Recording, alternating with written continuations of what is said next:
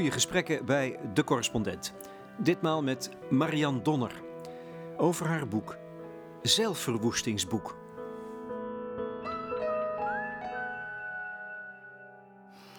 Um, sigaretje erbij doen?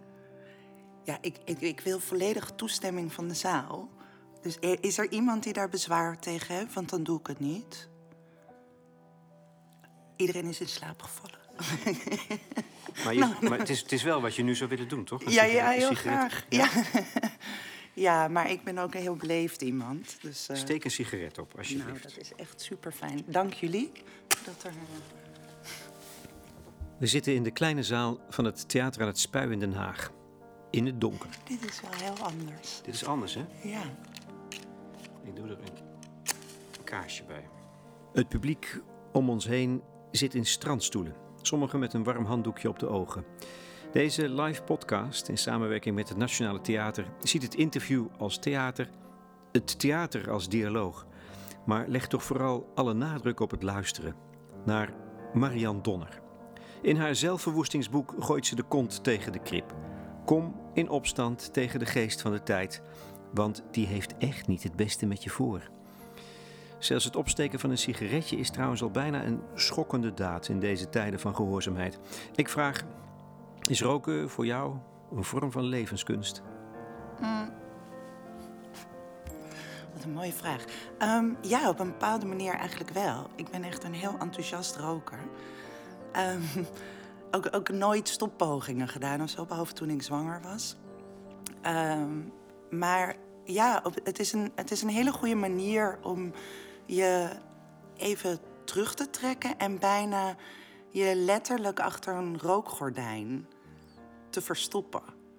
Dus het is, het is echt ehm, je even afsluiten tot jezelf. Ik rook niet thuis, ik heb een zoontje van vier, maar op het balkon. En dat zijn echt uh, ja, hele fijne momenten. En dan heb ik ook nog een kantoor waar ik schrijf. En daar rook ik uh, wel ja, gewoon. Daar stinkt het ook. Daar stinkt het ook, ja. Um, maar ja, voor mij, uh, en uh, ik weet natuurlijk dat dat heel uh, ongezond voor me is en heel slecht. En ik, ik, kies ervoor om daar dan natuurlijk niet te veel aan te denken. En ik sluit de mogelijkheid niet uit dat ik op een dag wel er genoeg van heb. Maar, maar levenskunst is, althans voor een deel, ook je af te kunnen sluiten. Nu ga jij een rookgordijn tussen jou en mij optrekken. of om ons heen. Um, ja, levenskunst, nou ja, is, is um, op een bepaalde manier ook je eigen ritme kiezen, je eigen momenten. Je niet mee laten slepen door een, een red race, een waan van de dag. En dat is niet dat ik dat allemaal met die ene sigaret uh, buiten sluit, maar het is wel een van de manieren om mijn eigen tempo aan te houden. Nou ja, het is veel betekenend genoeg. Ik heb hier vooraf toestemming voor moeten vragen. Ja, het is ongelooflijk. Uh, ik heb ook twee pakjes per dag gerookt in een, lang, grijs verleden. En je wist niet beter. En je deed het nou niet graag. Je deed het met vreselijk veel walging, maar je deed het toch. Maar nu moet je er toestemming voor vragen. Nou, het is wel. Ik heb onlangs heb ik een uh, column in de Volkskrant over roken geschreven. En dat was nog heel naïef. Want ik dacht, nou ja, natuurlijk vinden ja, mensen dat niet zo leuk. Of, uh, of nou ja. Um, maar nou, gewoon, gewoon die column geschreven. En ik kreeg zoveel boze reacties daarop. Maar en hele lange mails ook. Met uh, of ik wel. Ja, wat een, wat een slecht mens ik was. En slechte moeder. En of ik wel wist hoe agressief mijn gedrag was. Omdat anderen er last van hebben. En dat vond ik toch wel veelzeggend. Want ik heb in mijn eigen beleving, ik heb, ik heb zeven jaar geleden heb ik ook een column over roken geschreven voor NRC Next. En toen kreeg ik niets dan, dan uh, lovende reacties en juichende brieven. En toen dacht ik, ja, dit is toch in het klein wat je in het groot ook ziet. Het is een samenleving die steeds meer gericht is op uh, gezondheid, heilzaamheid, reinheid. Um, niet alleen bij onszelf, maar ook bij de ander. En als je dus ja, je daar niet aan houdt. En het kan op andere manieren ook als je bijvoorbeeld veel te dik bent of zo. Dan is het nu ook, wordt het als normaal gezien dat je dan bijvoorbeeld als je met vliegtuig gaat, dat je dan twee stoelen moet betalen. Want ja, het is hm. jouw schuld dat je zo dik bent. Dus dan betaal je daar maar voor. Dus je, je ziet in het, in het kleine, in de reactie op roken, zie je wel wat er ook in het groot in de samenleving gebeurt. Je hebt er een heel mooi woord voor om die samenleving te typeren nu. Je noemt het een kelnercultuur. Ja. Maar wat versta je daaronder? Ja, dat heb ik niet van mezelf. Um, ik moet haar altijd noemen, dat is van Margriet Klas. Ik heb uh, vorig jaar heb ik een, een uh, stuk voor de Volkskrant geschreven, Ode aan de Loser heette dat. En toen kreeg ik een mail van Margriet. Uh, en die zei: Ik ben zo'n loser waar jij het over hebt. Ik heb allemaal stomme baantjes gehad. En, ze maar ze, heeft, ze, had ook, ze studeerde nu sociologie. En ze zei: Ken je het boek van. Um, van nou, acuut zijn naam kwijt. Uh, George Orwell. Orwell ja. ja. Down and Out in Paris en London. En daarin, dat is een tijd dat Orwell, is, toen hij nog niet beroemd was, dat is zijn debuut, Down and Out. Um, en daarin beschrijft hij zijn leven echt aan de onderkant van de samenleving. Orwell leefde op straat, uh, had niets, geen eten, geen geld en leefde dus tussen de zwervers. En was altijd op zoek naar maar weer een baantje. En de baantjes die voorhanden waren, waren in het hotel. In grote, chique hotels. En op een gegeven moment maakt hij een onderscheid uh, tussen de soort mensen die de verschillende banen doen. Koks zijn heel arrogant, want die weten dat ze iets kunnen wat eigenlijk niemand kan. Dus die zijn heel dominant tegen iedereen. Uh, de afwassers nou, zijn heel onderdanig, maar die werken heel hard. Die halen eer uit het harde werken. En de kelner zegt uh, hij, is echt een apart menstype. Die werkt ook heel hard. Um, uh, en die bedient de hele tijd de rijken der aarde, die zich vol te zitten te vreten in het restaurant, terwijl de kelner zelf heel weinig verdient. Maar hij neemt die rijke mensen dat niet kwalijk. Hij is niet jaloers op zo zoiets. Hij houdt zijn werk vol omdat hij denkt: op een dag sta ik daar, dan zit ik aan die tafel. Um, dat is zijn gedachtegang en daarom werkt hij zo hard. En Margriet Glas zei dus: je zou kunnen zeggen dat we nu helemaal in een kelnercultuur leven. We zijn allemaal kelners. We zijn allemaal kelners. We werken zo hard en we vragen zoveel van onszelf en vaak voor ja. te weinig geld omdat we hopen dat in deze meritocratie, als we maar hard genoeg werken, of in het ideaal van de meritocratie, hard genoeg werken, uh, goed genoeg er tegenaan, dat dan op een dag ook wij het zullen halen en aan die top zullen staan. En dat vond ik een uh, super mooie vergelijking. Dus die heb ik uh, overgenomen van haar. Het beeld is helder en dat is ook makkelijk te onthouden. En dat is ook wel een spiegel. Het is zeer confronterend. En jij, jou, jouw boek, zelfverwoestingsboek, dat is eigenlijk een, een ode om het kelnerjasje uit te leggen, uit te doen. Zou je kunnen zeggen. Zeg nee ja, tegen die rotbaan die wij nu allemaal bekleden, toch?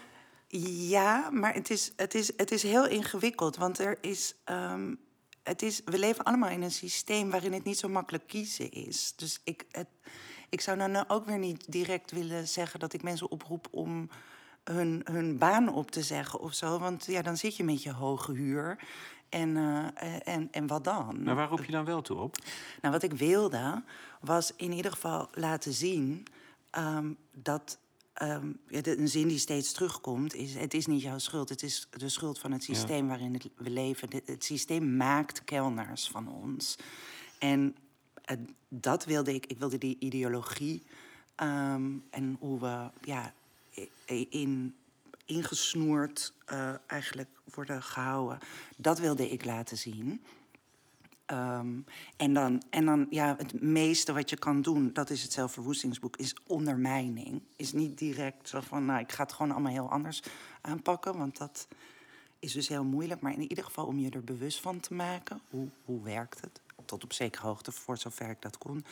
Um, en dan via kleine speldenprik, dus het eindigt ook met van, nou ja, weet je, uh, wees geen kelner inderdaad, maar als het echt niet anders kan, pis dan in die soep. Nou ja, ehm, dus dat, zijn de kleine... Dat is ook al een beginnetje dat van is een. Is dat in, in, deze samenleving is dat een verzetsdaad. Het is het kleine verzet. Nee, wat ik zo leuk vind, dat je teruggrijpt op Camus. Mm uh, met name de opstand van de mens. De, dit, er zit een heel krachtig nee in jouw denken. Nee, je moet het nee leren zeggen. Ja. God, en misschien ook nog wel bij vloeken ook. Maar om in opstand te komen. En dan denk je opeens, wat zijn we dat vergeten? Uh, ja, het is een neoliberale samenleving waar we in zitten, waarin alles individueel wordt gemaakt. Maar toch, wat is de schoonheid van de opstand? Mm. Oh, ja.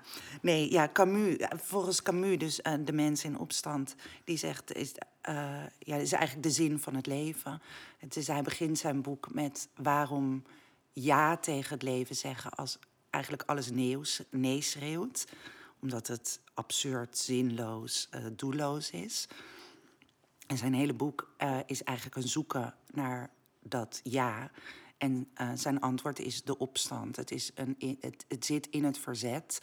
In het verzet uh, tegen de wereld zoals die is. Daarin herkennen we elkaars menselijkheid ook in. Daar, daar komen we in samen.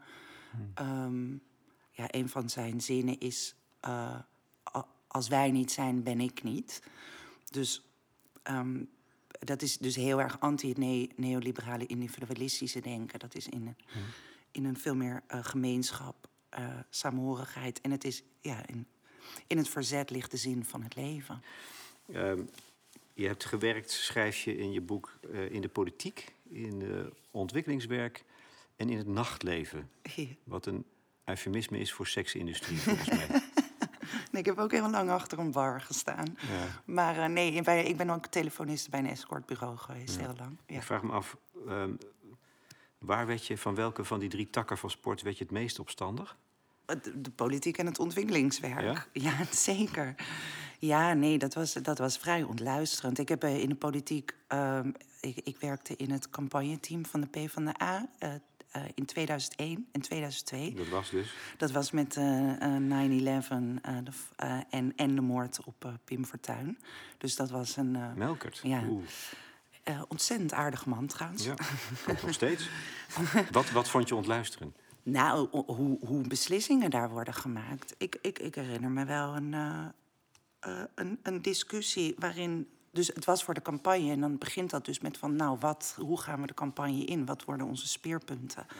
En Melkert die nog probeerde in een, um, in een discussie om te opperen van, om het te hebben over de sociaaldemocratie en Um, hoe, wie moeten we nog verheffen? En, nou, dat werd weggehoond. Dus dat, um, dat, dat was veel te inhoudelijk. En waar we toen uiteindelijk de campagne mee ingingen, was iets. Wat werd ook lekker, letterlijk gezegd, zo van, ja, iets waar niemand aanstoot aan kan nemen. En dat was toen gasboringen bij uh, de Waddeneilanden stoppen of zoiets. Wat volgens mij ook niet gebeurd is. Maar het ging, ja, het, het ging zo erg wat je denkt over het, het uiterlijk, de, de schijn, niet om de inhoud. En, en eh, werkend voor een escort service, wat heb je daar aan opstandigheid? Uh, ja, dat is een en al opstandigheid. Ja? Dat was een verademing. Ja, absoluut.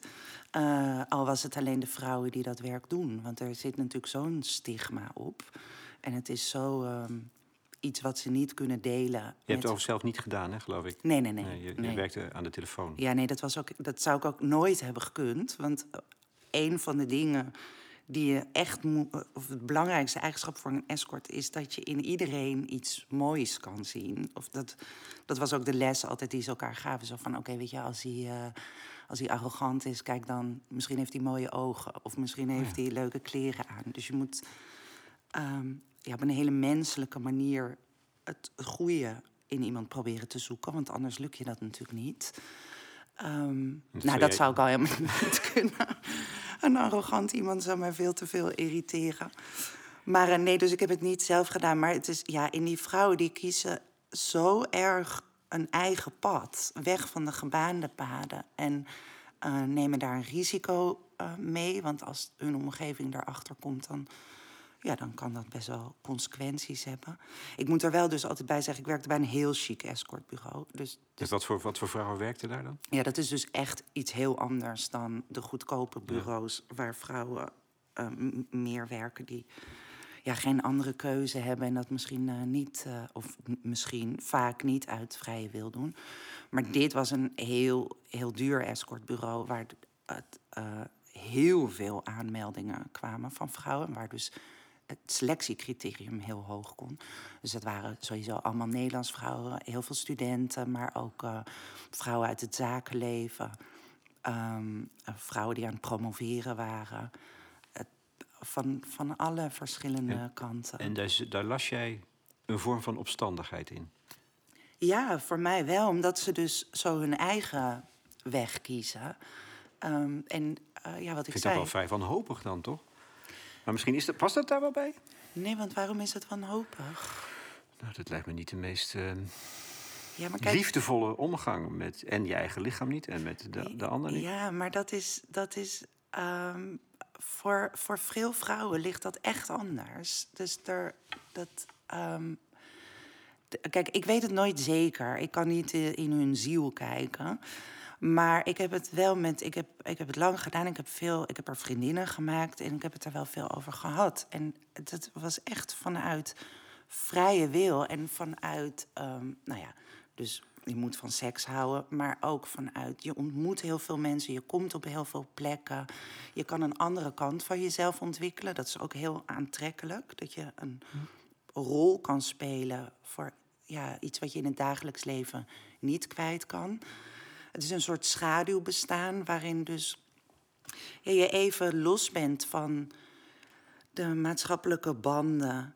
Um, um, Eigenlijk een vorm van je zou bijna, ja, je, je, hebt het ook over drinken bijvoorbeeld. Dat noem je een vorm van spijbelen. Ja. Uit die permanente druk van de samenleving. Roken is dat ook, een klein rookgordijn waarbij je. Maar dat is dit dus ook, denk ik. Een, soort, van, een ehm, soort van spijbelen en een ander leven leiden. Ja, misschien spijbelen van jezelf dus ook. Het waren ook. Want ik, ik heb het heel vaak tegen mensen gezegd. Ik weet zeker dat iedereen uh, iemand kent die het werk gedaan heeft. um, Maar het is niet degene die je denkt dat het is. Want als, we dus, als het over escorts gaat, dan is zo vaak dat idee van... oh, nou, weet je, die, die uh, dus vol in de make-up en... Uh, om één uur staan die dansend op de bar met iedereen te zoenen en de rokjes zijn kort. Maar dat waren totaal niet de meisjes die, en vrouwen die, uh, die ik heb leren kennen. En dat waren bijvoorbeeld ook heel vaak verlegen meisjes hm. of vrouwen, maar niet ik denk toch altijd, ja, het verkopen van het lichaam, daar, daar kan je heel moreel over doen. Maar waarom doen we dat niet als je je creativiteit verkoopt voor, weet ik, van een reclamebureau? Om, om, weet je, je wil eigenlijk een roman schrijven of een film maken en je zit uh, een, een goede reclame voor Shell te bedenken of een, een one-liner. Weet je, en waarom? Zo, ja. Wat, het is ook waarom, een vorm van prostitutie. Nou, of je, je knieën en je handen die een schoonmaakster verkoopt. Wat, weet je, die, die, die, die ook slijten. De stratenmakers die hun ruggen verkopen. Wat, het is, je, kan, je kan alles lichamelijk maken en over dan de geslachtsdelen doen we dan alsof dat iets radicaal anders is. This is the greatest and best song in the world.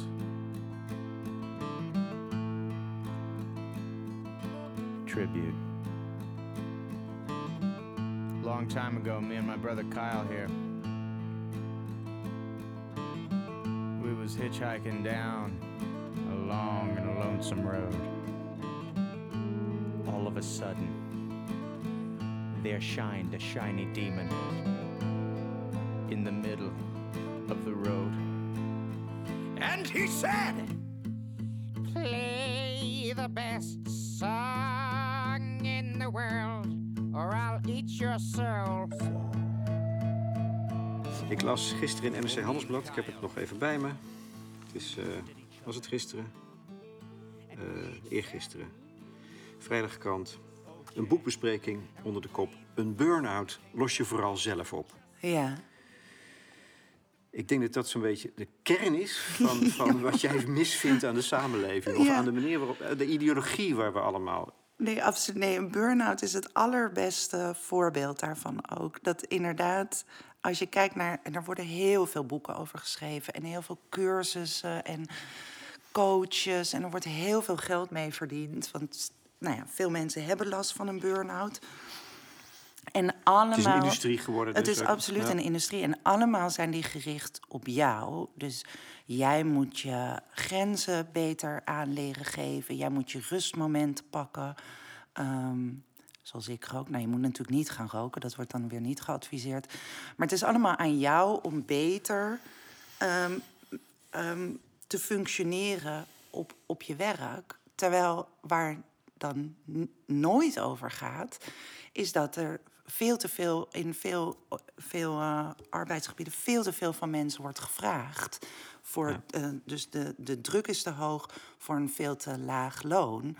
En ja, wil je een burn-out verhelpen, dan zou het ook heel nuttig zijn om daar naar te kijken. Om het maatschappelijke systeem is onder de loep te ja, nemen. Ja, en ik, ik werd geïnterviewd door een, um, door een journaliste van manage, iets management-achtig. En uh, ja, tijdens dat interview ging meer, meer over haar dan over mij, want ze stortte echt haar hart uit. en ik, ik was ook echt wel gechoqueerd. Want ze zei dus van ja, ik, nou ja, dan heeft ze een huur van 1000 euro. Ze werkte dan voor dit management-ding. Daar moesten twee artikelen per dag afleveren. Ik was dus, mijn interview met mij was één artikel. En dan moest ze nog, nee, en daar kreeg ze dan bijna niks voor betaald. En ze zei van ja, ik, maar zij weten ook voor mij tien anderen. Dus toen vroeg ze, en ze is een freelancer. Dus ja, je hebt ook niet echt collega's. Dus toen vroeg ze aan mij van ja, wat, wat, wat adviseer je dan voor mij? Zeg maar, als ik dan naar de omgeving moet kijken. En toen zei ik dus toch, ja, dan misschien moet je dan toch, weet je, met andere freelancers het daarover hebben, een soort iets collectief en dat aankaarten bij je baas. En nou, dat zat in het interview. Dat moest er toen uit van het management. Ja. ja. ja. maar zo werkt, zo werkt het dus. ja. De boodschap van ja, jij bent het probleem, dus jij moet het ook oplossen bij stress. Eh, op een bepaalde manier is dat ook wel fijn, omdat je dan tenminste het gevoel hebt dat je iets kan doen. Weet je, als je dan gaat yoga en mindfulness, dan, Mhm. dan hoop je zo van, nou ja, dan, dan kan ik tenminste, Ja. Ik dan, voel ik eh, me regie. beter. Ja, ja, daar zit dus dubbelzinnig. Ja, dus, maar, maar ja, uiteindelijk wat je dus, ja, wat je eigenlijk leert, is om het spel, ik noem het even het spel, of die red race, langer vol te houden en meer, ehm, ja, dus toch mee te draaien in een systeem wat gewoon te veel van iedereen vraagt. Want Nou ja, dat, het, het verrassende is, je noemt een aantal psychiaters. eh, Dirk de Wachter, Damian de Nies. Van die populaire psychiaters Ja. die verstandige adviezen hebben. Ik heb ze toevallig ook voor, de goede, voor deze serie ook allebei gesproken. En die, die lijken heel dicht bij jou Ja. ge- eh, gedachtegoed te zitten. Jongens, je moet daar dus niet in meegaan. Nee, val stil. Eh, eh, ga wandelen in het bos. St- stap eruit. Spijbel, zou je kunnen zeggen. Eh, of een ander verstandig advies is... ehm, wees een beetje, durf een beetje ongelukkig te zijn. ja, dat is een nieuw boek. Ja, ja. Dus ik zag... En, en toch keer je tegen die verstandige, Nou, wij- wijze mannen. Ja, nou, een aanvulling zou Nee, ik het... eh, nee, nee, je vindt het niks. Nee, ja, ik vind het oh, in essentie doen zij het dus eh, bij Dirk de Wachter doet hetzelfde. Ja, dat vind ik heel verrassend. Ja, maar omdat, kijk, zeer, en veel mensen voelen zich heel erg door hem aangesproken. maar bij hem is die hele buitenwereld is afwezig. Dus dan toch eh, ben je, ja, weet je, of je nou de boodschap geeft wees gelukkig of de boodschap wees ongelukkig, dat richt zich toch weer op het individu. En ik wil elke keer wegblijven bij dat individu. Ja. En, en gewoon alleen maar kijken zo van naar hoe werkt die wereld en hoe maakt ze ons. Ja, kelders. moeten, de tendens daarvan is... ehm wij moeten eigenlijk geoliede machines worden. Bijna Ja. als technische apparaten ja. goed functio- optimaal functioneren. Eigenlijk nooit haperen. Nee, dat is echt nu inderdaad. En gewoon of het nou. Dus ik zeg ook ergens, we, we gaan ons, onszelf en de wereld echt. treden we tegemoet als een schoonmaker. Dus dat lichaam, dat moet glad en fit en, en eh, zonder bobbels of ehm, rimpels of weet ik veel wat. Ehm, nou, sinds wij zijn ons brein is het ook het van Dick Swaap is ook een beetje het idee van, nou, weet je, de, de machine kan je ook nog openhalen, even in die hersenen, even wat anders, Ja, eh, de de draadjes connecten. ja, ja, of een pil. Dat, nou, de darmen moeten allemaal schoon met gezond eten. ehm. en inderdaad, eh, en we moeten dan ook nog onze ziel moeten zo schoon mogelijk krijgen door dan de jeugdtrauma's allemaal moeten opgelost worden. En we moeten aan de mindfulness en de yoga. Of moeten, maar dat is een beetje ja, de tendens. Ja, en wat krijg je dan? Krijg je inderdaad geoliede machine, die, eh, machines die optimaal meedraaien zo lang mogelijk. Denk ik. Ja, dus daar kun je niet wantrouwend genoeg tegenover staan. Nee, zou ik zeggen van niet, omdat het ook, het is dat speelt dus ook in dit boek, is de vraag: ja, wat is een mens eigenlijk? En ehm, ja, de mens is geen robot. Uh, uh, en is ook niet een efficiënt. In deze tijd is alles gericht op efficiëntie, maar wij zijn geen efficiënte wezens. AI is efficiënt. Maar wat, wat verlies je daarmee, is dus ja, dat wat wij eigenlijk zijn: menselijkheid. En wat is dan menselijkheid? Dat, dat loopt dan een beetje door dit boek heen. En dan kom ik uiteindelijk dus bij falen, inderdaad. En de, de schoonheid van falen. Dat is het derde onderwerp van dit gesprek. And the beast was done. He asked us, Be you angels?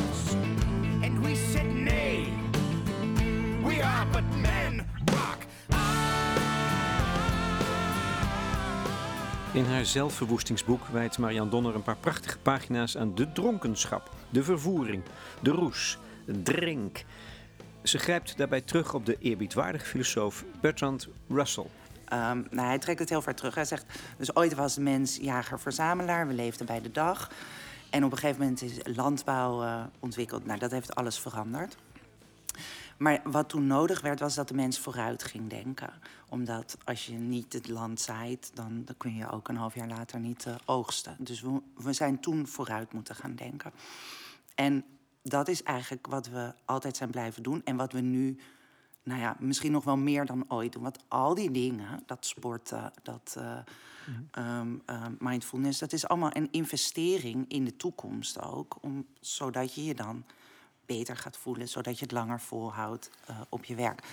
Hij zegt, uh, Russell dus, uh, alcohol geeft een andere tijdsbeleving. Want het eerste dat wegvalt is dat vooruitdenken. Dat weet iedereen. Omdat je niet meer denkt aan morgenochtend, maar zegt, nou, nog eentje dan.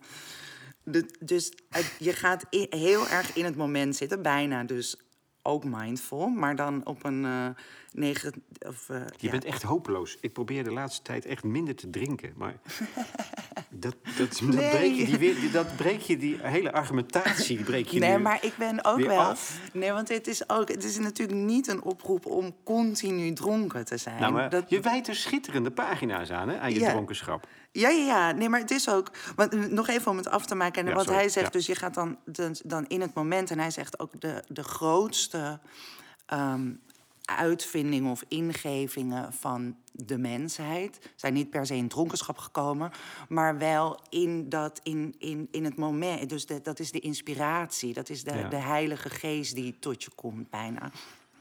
En hij zegt, die roes, die is, die is heel waardevol daarin.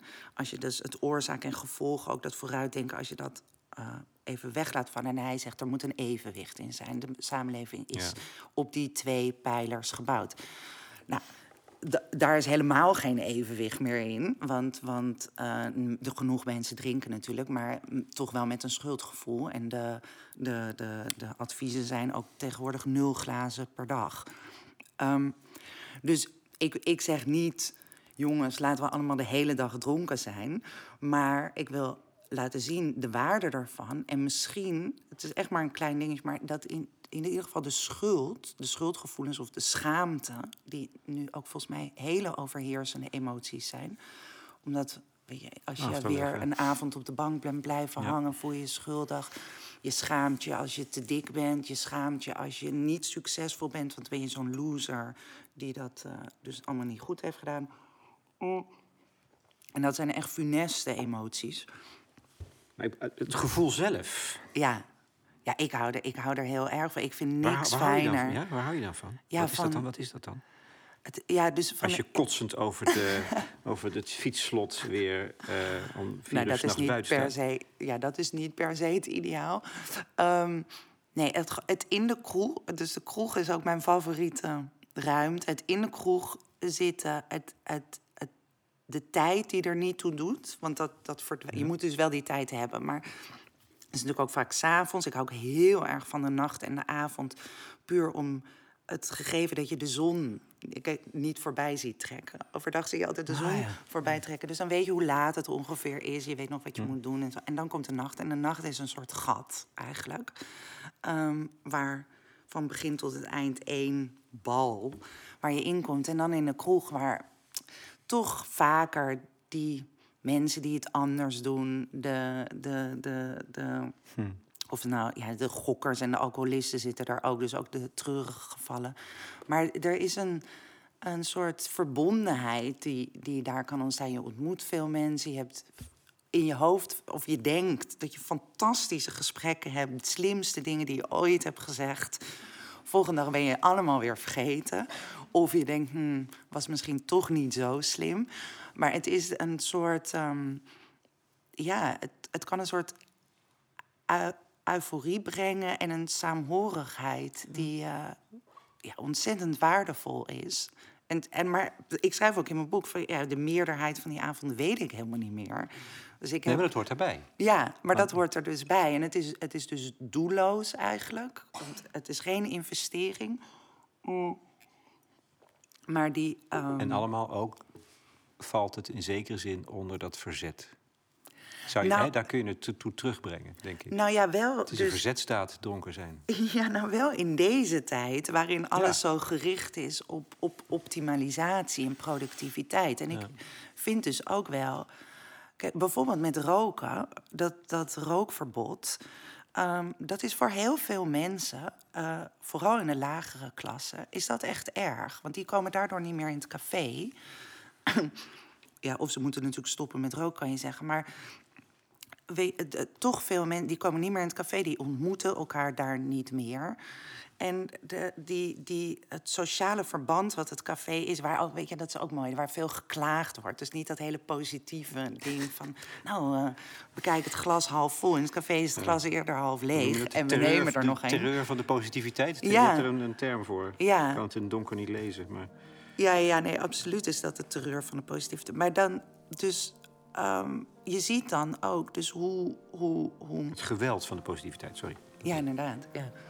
Maar hoe dus zo'n zo'n rookverbod, dat grijpt in op, op mensen en op hun levens. Eh, en, en het verandert het café. En steeds meer bruine cafés verdwijnen natuurlijk ook. En het worden een soort van die koffiehuisdingen... Waar met, met gratis wifi, waar iedereen achter zijn laptop zit.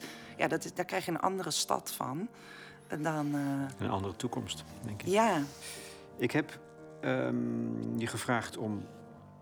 Wat zou je voor muziek willen laten horen? Eén ding. Dat is echt zo'n rotvraag. Ehm je had een heel prachtig liedje, maar dat heb je toch weer weggegooid. ja, Dat is heel ja. jammer. Ja, Maar toen kwam je met het volgende. Een, een, een, een- nou een, een, Ook heel prachtig. Ook prachtig. Een gedicht, moeten we het noemen, van een befaamde dronkenlap. Ja. Charles Bukowski. En het heet Stijl. Stijl. Ik laat dat fragment even horen. Style. Style is the answer to everything. A fresh way to approach a dull or dangerous thing. To do a dull thing with style is preferable to doing a dangerous thing without it. To do a dangerous thing with style is what I call art. Bullfighting can be an art. Boxing can be an art. Loving can be an art. Opening a can of sardines can be an art. Not many have style. Not many can keep style. I have seen dogs with more style than men, although not many dogs have style. Cats have it with abundance. When Hemingway put his brains to the wall with a shotgun, that was style. Or sometimes people give you style. Joan of Arc had style. John the Baptist, Christ, Socrates, Caesar, Garcia Lorca. I've met men in jail with style. I've met more men in jail with style than men out of jail. Style is a difference, a way of doing, a way of being done. Six Hurons standing quietly in a pool of water. Are you walking out of the bathroom naked without seeing me?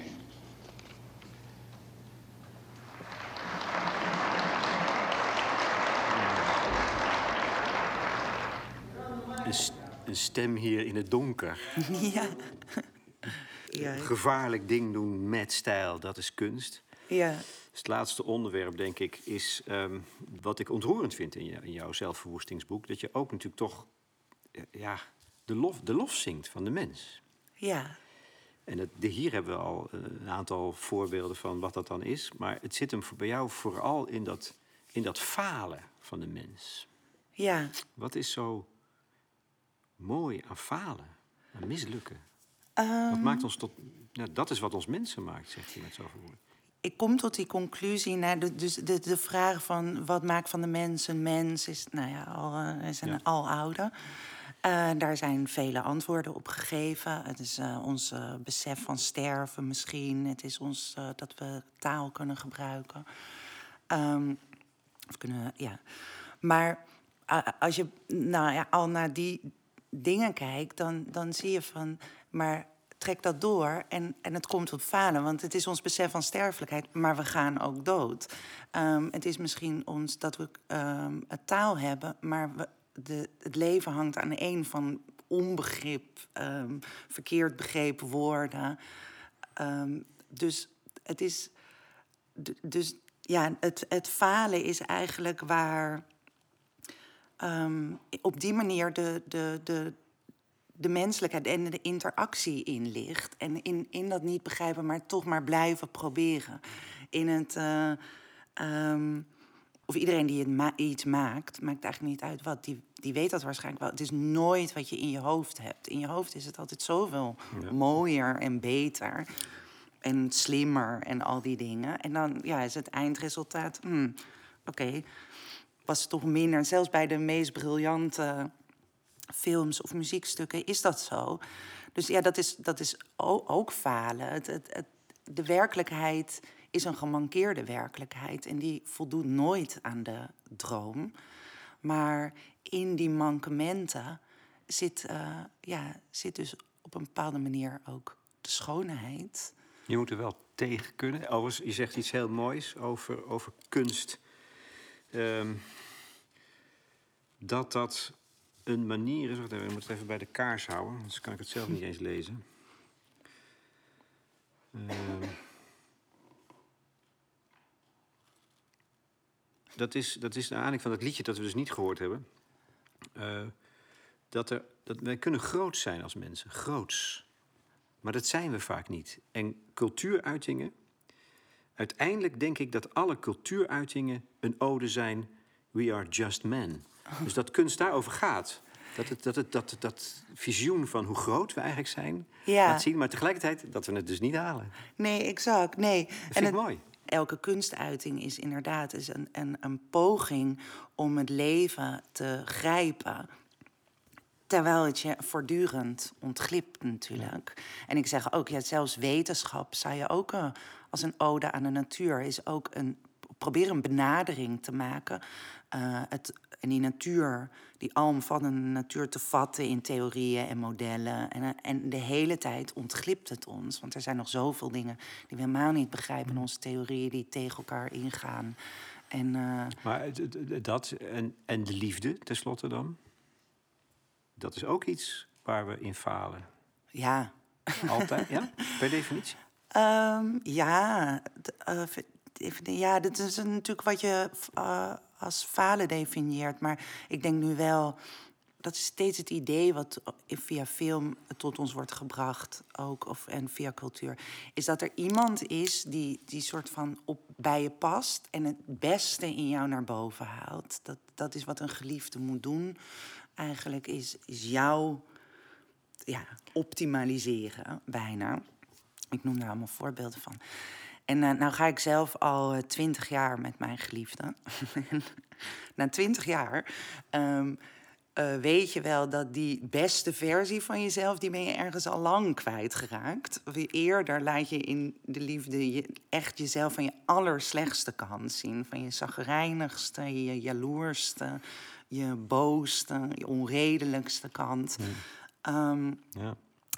Eh, dus ja, je wordt er helemaal niet een beter mens van of zo. Maar in, daarin, eh, ja, zit ook weer. Daar, ja, ik denk daar zit de liefde in. En ik, na twintig jaar ben ik nog. Dat, dat, dat uithouden of zo. Dat, je noemt het loyaliteit, hè? Nee, het, ja, het eindigt met een belofte. Dat het is dus de belofte om. ehm, dat is Ursula Le Guin die ik daar aanhoud. Maar het liefde is een belofte doen. Zo van, weet je, ik kies voor jou.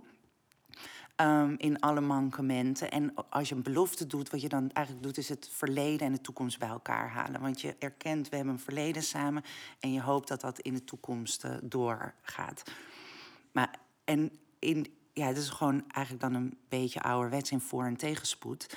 Maar dat je dus, en daar kan, weet je, daar, daar kan van alles mis in gaan. En je kan elkaar vreselijke dingen aandoen. En ik zeg niet dat je tot het bittere eind bij iemand moet blijven.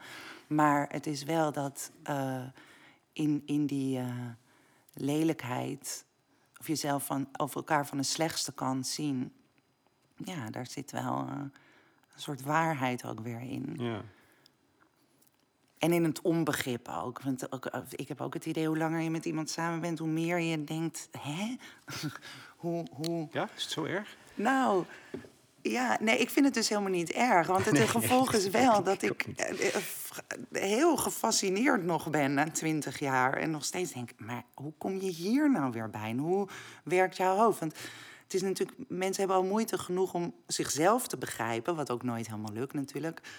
Laat staan dat je een ander begrijpt. Dus als je op dat punt komt van, ja, we waren bijna broer en zus, of nou, nu weten we maken elkaar zinnen af, dan denk ik, mm, weet je, dan, dan zit je op één spoor, maar dan negeer je toch al die andere dingen Ja. die je Want niet kent.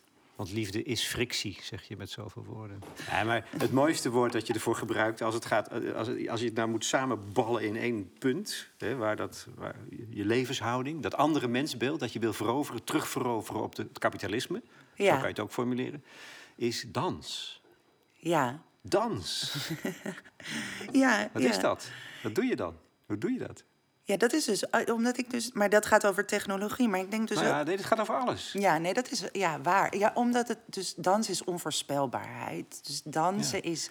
Eh, Dus het zit in het hoofdstuk technologie, omdat je dus niet van. Alles is er nu op gericht via algoritmes om ons vast te pinnen en een soort dot on the screen te maken. En dans is onvoorspelbaar.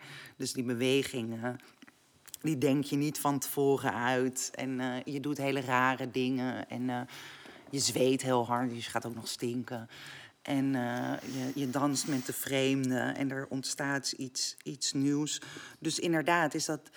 ehm, ja, dans is, de, is het omarmen van die onvoorspelbaarheid. En als ik, ja, hoe ik de samenleving nu zie, en het is ongenuanceerd, maar dus de grote lijnen daarin is alles erop gericht om dingen eh, en ons voorspelbaar, ehm, maakbaar in een hokje met een label, allemaal netjes, eh, overzichtelijk te hebben.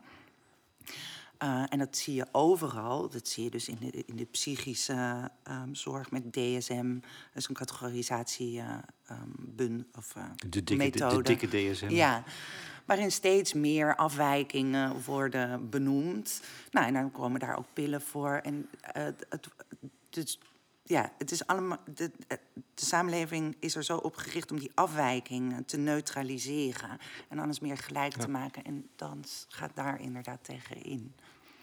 Ik heb opeens de associatie met die film One Flew Over the Cuckoo's Nest. Ja. Jack Nicholson. Ja, nou, ik heb gisteren de Joker gezien. Dat is ook. eh, Ja? ja, heb je die gezien? Nee. Oh ja, dat is ook wel een aanrader. Eh, en ook, eh, wat ik erin zag, is, is, is een waarschuwing.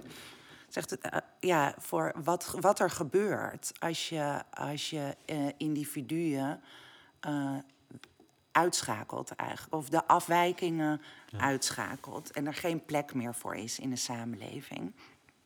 Ehm, ja, en wat er nou in de Joker gebeurt is eh, zeer gewelddadig. Maar ik denk, ehm eh, daar zit wel wat in. Steeds meer mensen hebben het gevoel buiten de boot te vallen en dat er geen ruimte voor hun is. En daar krijg je veel woede ook van. En ehm, En dat valt te kanaliseren tot massale gewelddadigheid. Ja, dat zegt de Joker. dus ik denk, nee, dan, dan komt er wel, dat, dat wordt ook wel weer geneutraliseerd. Denk het je, ja? systeem, ik denk dat het een oplossing Ja, maar tenzij we ons daar meer dus bewust van worden. En ja, het is ook een, ehm, een ode, of dit boek is ook bedoeld als ode aan de buitenstaander. En aan hoe die nu langzaam aan het verdwijnen zijn. En wat een verlies dat is. Ik las er ook nog een opdracht in aan mijn adres als interviewer. nee, maar je zegt letterlijk ergens... eh, we moeten de stem van de loser vaker horen. Ja, Ik denk, oh, daar, dat zou ik wel eens kunnen gaan doen. In Ja, de nabije dat- toekomst. ja, dat lijkt me echt heel geweldig. Daklozen, verslaafden. Ja. ehm, Ja, ja, of, ja, dat zijn de extreme. Maar inderdaad, Ja. maar de, als je, ja, de mensen die nu aan het woord komen in, in de media, dat zijn ja, toch de succesnummers. Ik had daar ook een column over geschreven. En die, die, weet je, die kunnen ook altijd heel goed praten, komen heel goed uit hun woorden. Als je naar die TED-talks kijkt of brainwash-lezingen. Of, allemaal aan- succesvol. of aan, bij de tafel aan Allemaal geoliede machines. ja, bij de wereld draait door. En alles is zo soepel. En, maar daarmee wordt zo'n gesprek ook eerder ja, een soort hamburger... wat je toen tot je neemt. Zo, zonder, er zitten geen weerhaakjes aan. Er zit niks waar je blijft hangen. Ehm, en ja, ook in die... eh, dus daar, daarvoor zou het... Al, ja, nou Maar ja, dan is, dan is dit gesprek toch ook mislukt? ja, op een bepaalde manier wel. Maar dan moet ik er maar blij het is ook te makkelijk. Ja. Ja, Want Dat is natuurlijk wel, je komt al bij Beckett uit, hè? het beroemde citaat: Ever tried, ever failed. No matter, try again, fail again, fail better. ja. Hebben we niet gedaan nu. Ja, die is prachtig. Nee, nee, we hebben niet echt. Nee, we hebben niet gefaald. We hadden Shit. dit nog om kunnen gooien. Nee, ja, maar ik ben daar nou ook niet. Dus het is, het is eigenlijk ook. Dus ik doe een oproep, maar ik ben niet die buitenstaander. Die, die, ik, ik maak heel erg deel uit van het systeem. Dus het, ja, Ja, ik ook. ik, ik had, ja, wel allemaal. Maar ik denk wel dat er behoefte is aan meer stemmigheid en meer, ja, dus ook fouten. Ik, had- ik had ook een, ik had een brainwash-lezing gegeven. En toen was Het ik, festival in Amsterdam. ja, en toen eh, moet je tien minuten uit je hoofd praten. Nou ja, daar was ik al heel zenuwachtig voor, want dat kan ik helemaal niet. Maar toen was ik ook tijdens die tien minuten, was ik vijf keer was ik mijn tekst vergeten. Dus ik moest heel lange walk of shame steeds maken naar mijn papiertje om te kijken. Dan moest ik weer teruglopen. En uiteindelijk is dat op tv uitgezonden. Eh, maar ze hebben al die vijf keer hebben ze er natuurlijk uitgeknipt. Dus het ziet er heel vloeiend uit. En daar was ik natuurlijk toch wel blij om, want het was wat beschamend. Maar toch dacht ik, ja, is, is jammer. Shit, het is ja. jammer, want het kans, zou, ja, het zou mooier zijn als je moeten vaker ziet. in ons hemd staan. Dus, Ja, als je dat maar, meer ziet. En dan denk ik dat je je daar beter van gaat voelen. Als kijker. Ik niet per se, maar als kijker wel. Ik vond het wel erg leuk. Dit. Ik ook. Dank je wel.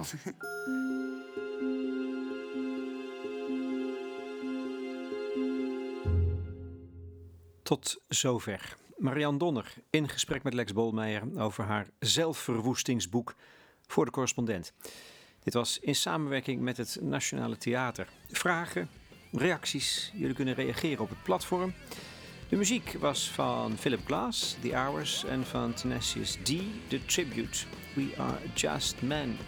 Ze verwijst ernaar in haar boek.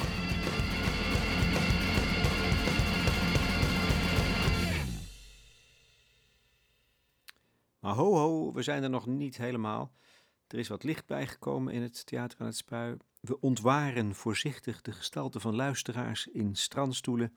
Ze knipperen met de ogen en vragen. Ik wil natuurlijk weten wat het liedje was wat je hebt gekozen, maar we mochten het toch niet horen. Nee, ja. Dus waarom? Het liedje. Ja, het liedje het was, was Nina Simone, Ain't God No. En, de, en de, de enige reden dat ik het niet, niet had gedaan... was omdat ik in een andere podcast zit het al. En toen dacht ik, ja, dat is eigenlijk misschien een beetje saai... voor die ene persoon die misschien allebei de podcast hoort. Ja, maar Ain't God No is zo mooi, omdat ze daarin zingt van... Ik, ik heb helemaal niks, ik heb geen water, geen vrienden, geen familie. Zo'n hele opsomming. En dan komt ze... Maar ik heb mijn handen, ik heb mijn benen. Ik heb, en alles is mijn lichaam. En dus ik heb mijn eigen lichaam. En een soort Daar is vrijheid in te vinden. Dus dat is echt een super mooi nummer. I got my hair, got my head, got my brains, got my ears, got my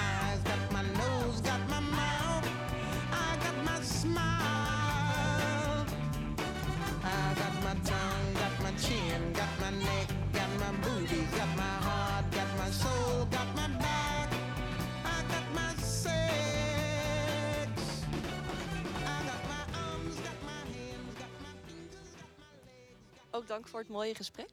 Ehm, ik heb een vraag. Je begon eigenlijk ehm, met eh, de woord dat je een zoontje van vier hebt. En ik was heel erg benieuwd, wat is de boodschap die je hem meegeeft? Want hij groeit op in die maatschappij van die geoliede machine. En je hebt een behoorlijke eh, sterke visie, die, die ook heel mooi is in deze tijd. Ik ben heel benieuwd in welke mate dat ook eh, tot hem gaat komen. Ja, ja, nou dat is echt een hele goede vraag. Want hier, hier begint dus het, het wringen. Want voor, je, voor mezelf allemaal dingen bedenken is tot daar aan toe. Maar voor mijn zoontje, die, die gaat nu net sinds drie weken naar school. En het, waar ik soort van het meest mee bezig ben, is hoe ligt hij in de klas? Heeft hij al vrienden? Past hij in de groep? Terwijl, terwijl ik niet zo waardeer bijna in mensen als dat ze niet in die groep passen. Ehm, de afwijkingen. En maar ja, voor mijn eigen zoontje. ehm, ja, het zijn dat dus twee tegenstrijdige dingen. En ik wil toch ook graag dat hij goede vrienden heeft. En dus daarin, eh, dat is in mijn eigen hoofd een voortdurende strijd. Eh, maar ja, wat ik hem meegeef, ja, mezelf, denk ik. Dus ja, mijn ideeën. En misschien gaat hij zich daar, de kans is natuurlijk groot dat hij zich daar tegen afzet. En dan gaat hij een soort heel bij Shell werken of de politiek in of zo. Ja, je- je- Dan wordt hij heel rijk en succesvol en dan zou iedereen er trots op zijn. En dan ben ik heel teleurgesteld. nou, jou- jou- Zoiets. Het is wel aardig om er toch even terug te komen. Jou- jouw vader was Hein Donner, de beroemde schaker. En je vertelt over dat hij bij IBM ging werken. Ja, één dag. Hij heeft één dag in zijn leven gewerkt. En toen, eh, en toen scheen de zon. Was mooi weer. En toen zei hij, ja, maar als mensen niet naar buiten gaan als de zon schijnt... dan zal de zon nooit meer schijnen. Dus ik, ik, moet, ik moet stoppen. Dus toen eh, heeft hij zijn baan weer opgezet. dat kon toen nog. Ja, maar dat kan vandaag ook? Niet, nee, nee, want, dan, want dat beschrijf ik dus. Hij, mijn vader was heel goed bevriend met Harry Mulisch. Harry Mulisch eh, pochte altijd dat hij nog nooit een dag in zijn leven had gewerkt. mijn vader dus één. Dus dat was een soort strijd. Maar zij woonden allebei in de binnenstad van Amsterdam. Harry Mulisch als beginnend schrijver nog. En mijn vader als schaker. Nou, alsof dat nu ooit... Nu kan je niet eens in Slotervaart eh, daarvoor wonen. Dus dat, dat is gewoon... Dat, ja, de, Ja, de tijden zijn natuurlijk verschrikkelijk veranderd. ja, de stad verandert daarmee dus ook heel erg. de, de tegenkrachten zijn gigantisch, dat snap ik. Ja, Maar toch blijf ik hopen dat iets van dat elan, die opstand waar jij zo ik bevlogen over natuurlijk schrijft... ook. Ik, Ja, ja. maar goed, dat dat toch iets doordringt in, in, eh, in ieder geval in mijn ziel. Dus. Dat was, ik had mij een van de vragen die ik niet gesteld heb, was inderdaad deze: van, is er iets in je denken veranderd sinds je moeder bent geworden? Maar Ja. Ehm, ja, ik weet dus niet zozeer of het een verandering... Het is gewoon... Ja, het verschil tussen... Kijk, eh, eh, dus voor mij is moederschap vooral een soort extreme beschermingsdrang. En ik wil, ja, ik wil natuurlijk dat hij, eh, dat hij het niet moeilijk heeft. En om het niet moeilijk te hebben, is het, ja, het is beter om gewoon glad mee te Ja. draaien in de maatschappij. Ook al weet ik dus dat, ja, daar word je ook niet per se een leuker mens van. Want die Nee, maar dit is, toch precies, dit, is, dit is toch precies waar, waarmee je laat zien hoe moeilijk het is. Ja, hoe het werkt. ja. Want je wil ook dat je eigen kind een geoliede machine wordt. waarvan Nee, je ja, dus- wil dat hij dat wordt. Ja, dus niet. Dus wat ik, wat ik moet doen in deze voortdurende worsteling... is die drang tot bescherming dus loslaten. En hem zijn eigen weg laten gaan. En op ze en, eh, laten vallen en laten falen. En dat dan niet willen verhelpen. En niet zo'n curling-ouder worden. En dus daar ga ik... Keurling. oh, Ja, zo noemen mij heb ze je daar dat. helemaal geen talent voor, eh, Marianne Donner. Op weg naar de zelfverwoesting eh, wens ik je allemaal veel plezier. Ehm, ik dank jou echt heel erg hartelijk, Marianne Donner. Dank je wel. Graag Fijn om gedaan. jou hier te hebben. Dank.